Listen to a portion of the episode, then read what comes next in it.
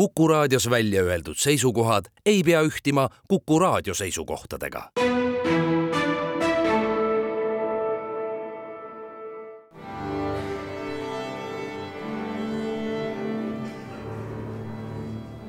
daamid ja härrad, Eesti Kontserdi saade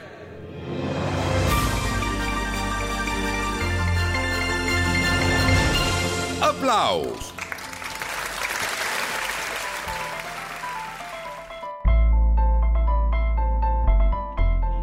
Suvine tervitus Eesti Kontserdilt, nagu kontoriinimestele ja linnavurledele kohane, oleme me oma kontsertidega päikesepaistelisemate ilmade saabudes kolinud üles kaevatud Tallinnast kaugemale ja festivali suvi on täies hoos. saade on aplaus, mina olen Lauri Aav, tere kõigile Haapsalu Valgete Ööde festival toimus tänavu, noh, peamiselt noorte laulu- ja tantsupeo tõttu pisut varem kui tavaliselt, viieteistkümnendast kaheksateistkümnenda juunini ja meelitas kokku päris arvukal hulgal muusikasõpru, kes kohaletuleku pärast loodetavasti pettuma ei pidanud. nii mulle isiklikult jäi küll selline mulje pärast kontserte publiku õnnelikke nägusid jälgides. ees on ootamas teised meie suvedesse juba pikalt juurdunud festivalid ning sellest kõigest täna järjekorras homsest stardib Ida-Virumaal järjekorras kahekümne viiendat korda suvefestival Seitsme linna muusika mis on selle aja jooksul saanud kindla koha Ida-Virumaa kultuurielus.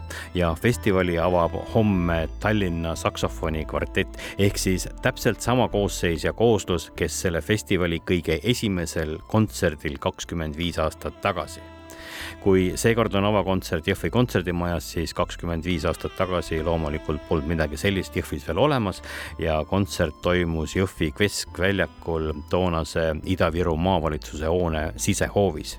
ja ma räägin seda kõike sellise teatava nostalgiaga, sest äh, olin tollal selle festivali esimene korraldaja ja seepärast soovin eriti palju õnne headele sõpradele Jõhvi kontserdimajast, kes praegu Seitsme linna muusikafestivali festivali hea käekäigu eest seisavad.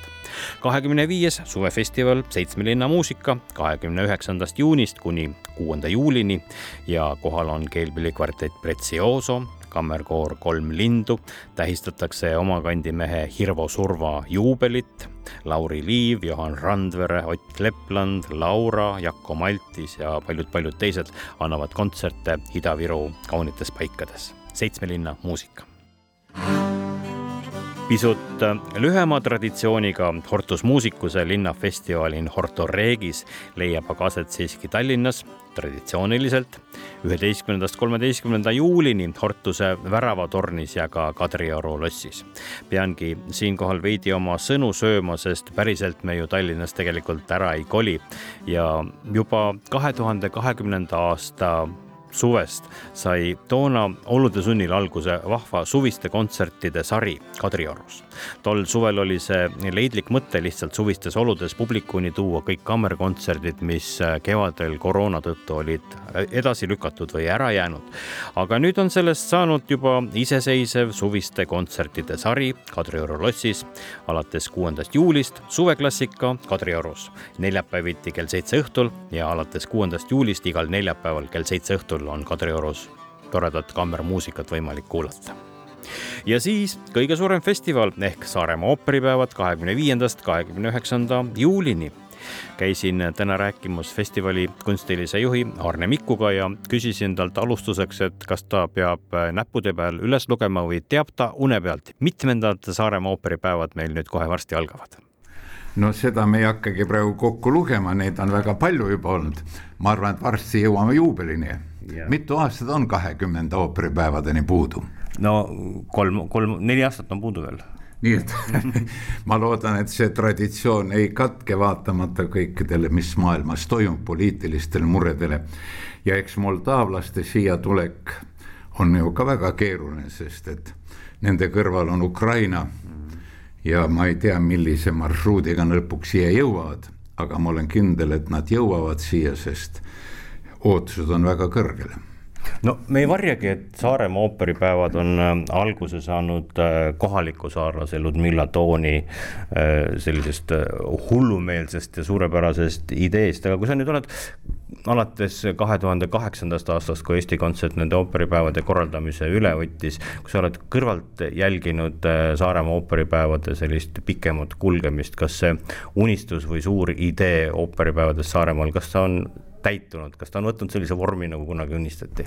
no vahepeal ta võttis sellise vormi, kui oli võimalusi ja, aga igal juhul igal aastal on üks või teine ooperiteater väljaspoolt Eestit siia jõudnud ja see on ka väga oluline, et iga teater no tutvustab oma maa kultuuri erineval moel. poolakad muidugi tõid siia kuningas Rogeri või, või noh, sakslastel pole probleemi Wagnerit või Richard Straussi näidata, aga Moldova ooper põhiliselt ju pakub meile Itaalia repertuaari, pluss siis muidugi ballett Luike Terv, mida pole ka Saaremaal kunagi tehtud ja Aida on ka esimest korda ju Saaremaal mis sulle mm, endale selliste muusikaliste kõrghetkedena aegade tagant kõige rohkem või kõige esimesena meelde tuleb või, või muusikaliste või äkki hoopis teatraalsete kõrghetkedena?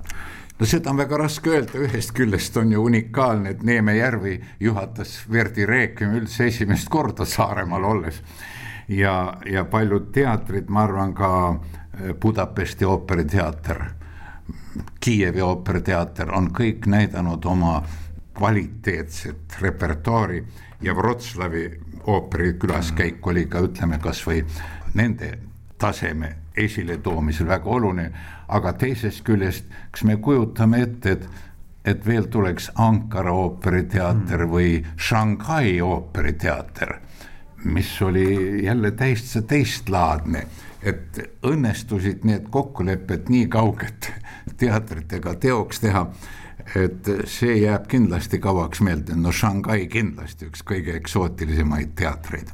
No ooperiteatrite puhul ja ooperite puhul üldse on alati see igipõline vaidlus, et, et kes on siis see, kes kunstilised äh, otsused kõige viimasena teeb, kas see on dirigent või lavastaja. Ja Saaremaal on käinud tegelikult nii dirigendi keskseid kui ka lavastaja keskseid ooperiteatreid, mis sa Moldova rahvusooperi kohta tead või oskad öelda? No ma ei ole viimastel aegadel nende etendusi näinud ega kuulnud, aga ma tean, et nad on väga aktiivselt mööda Euroopat kogu aeg tuuritanud. ja see näitab, et nende kvaliteet peab vastama nendele nõudmistele. möödunud aegadel käis Mati Palm nendega tihti ka Euroopas esinemas ja muidugi see teater on eriline ühest aspektist. maailmas ei ole palju teatreid, mis kannavad oma rahvuse sellist sümbolkuju nime ja Maria Piešu on Moldova teatri jaoks kindlasti üks eriline staar.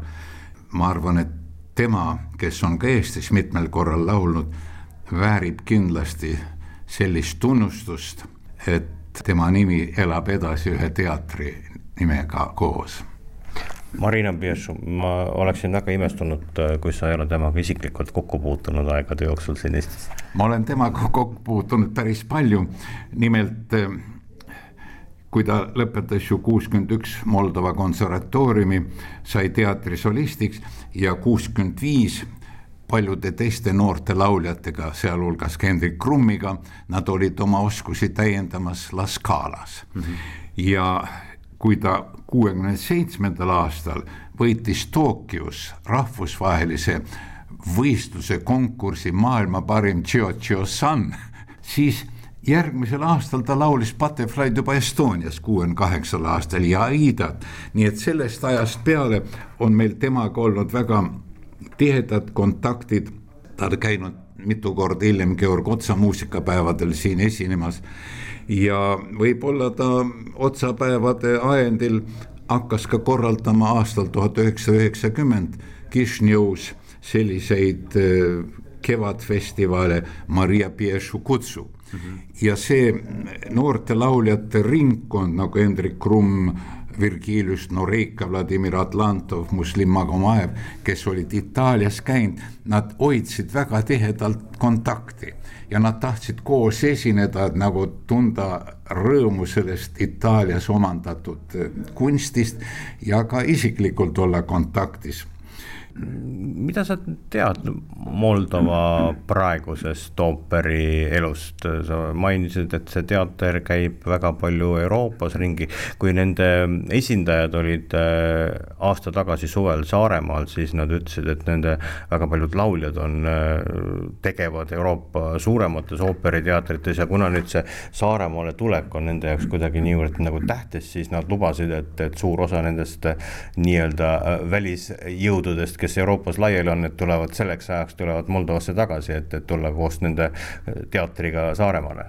no me tahame seda väga loota, sest ega me neid nimesid praktiliselt keegi ei tunne, siin -hmm. me pole neid kuulnud.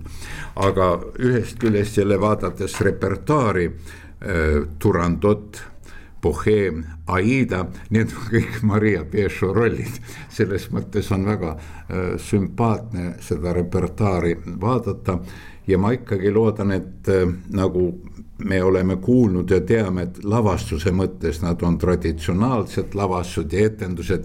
et see rõhk on pandudki kindlasti äh, lauljate meisterlikkusele ja on ju rida ooperisõprud, kes ainult seda hindavad, nii et ma arvan, et äh, nende külaskäik on ikkagi Saaremaal üks väga oodatud sündmus Maria Biešu nimeline Moldova rahvusooper ja ballett on seekord Saaremaa ooperipäevade külalisteks ja kava on selline täiesti kindla peale minek. teisipäeval, kahekümne viiendal juulil Puccini Turandot kolmapäeval Puccini Boheem, neljapäeval Tšaikovski Lõikede järv, reedel Verdi Aida, laupäeval traditsiooniline ooperigala ja siis pühapäeval erandina ei ole enam Moldova rahvusooper, vaid laste balletigala, Tallinna balletigala Juunior. Ja selle kunstiline juht on Kaie Kõrb ja laval on rahvusvahelisel Tallinna balleti meistrikursustel osalevad noored balletiartistid ja balletikoolide õpilased laste balletigala pühapäeva päeval kell kaks selline tuleb muusikaline suvi Eesti Kontserdi poolt, meie aga ei kao oma saadetega siin suvepuhkusele ja oleme eetris juba kahe nädala pärast keset In Horto Regise festivali ja siis juba otse Saaremaa ooperipäevadelt. kõike paremat.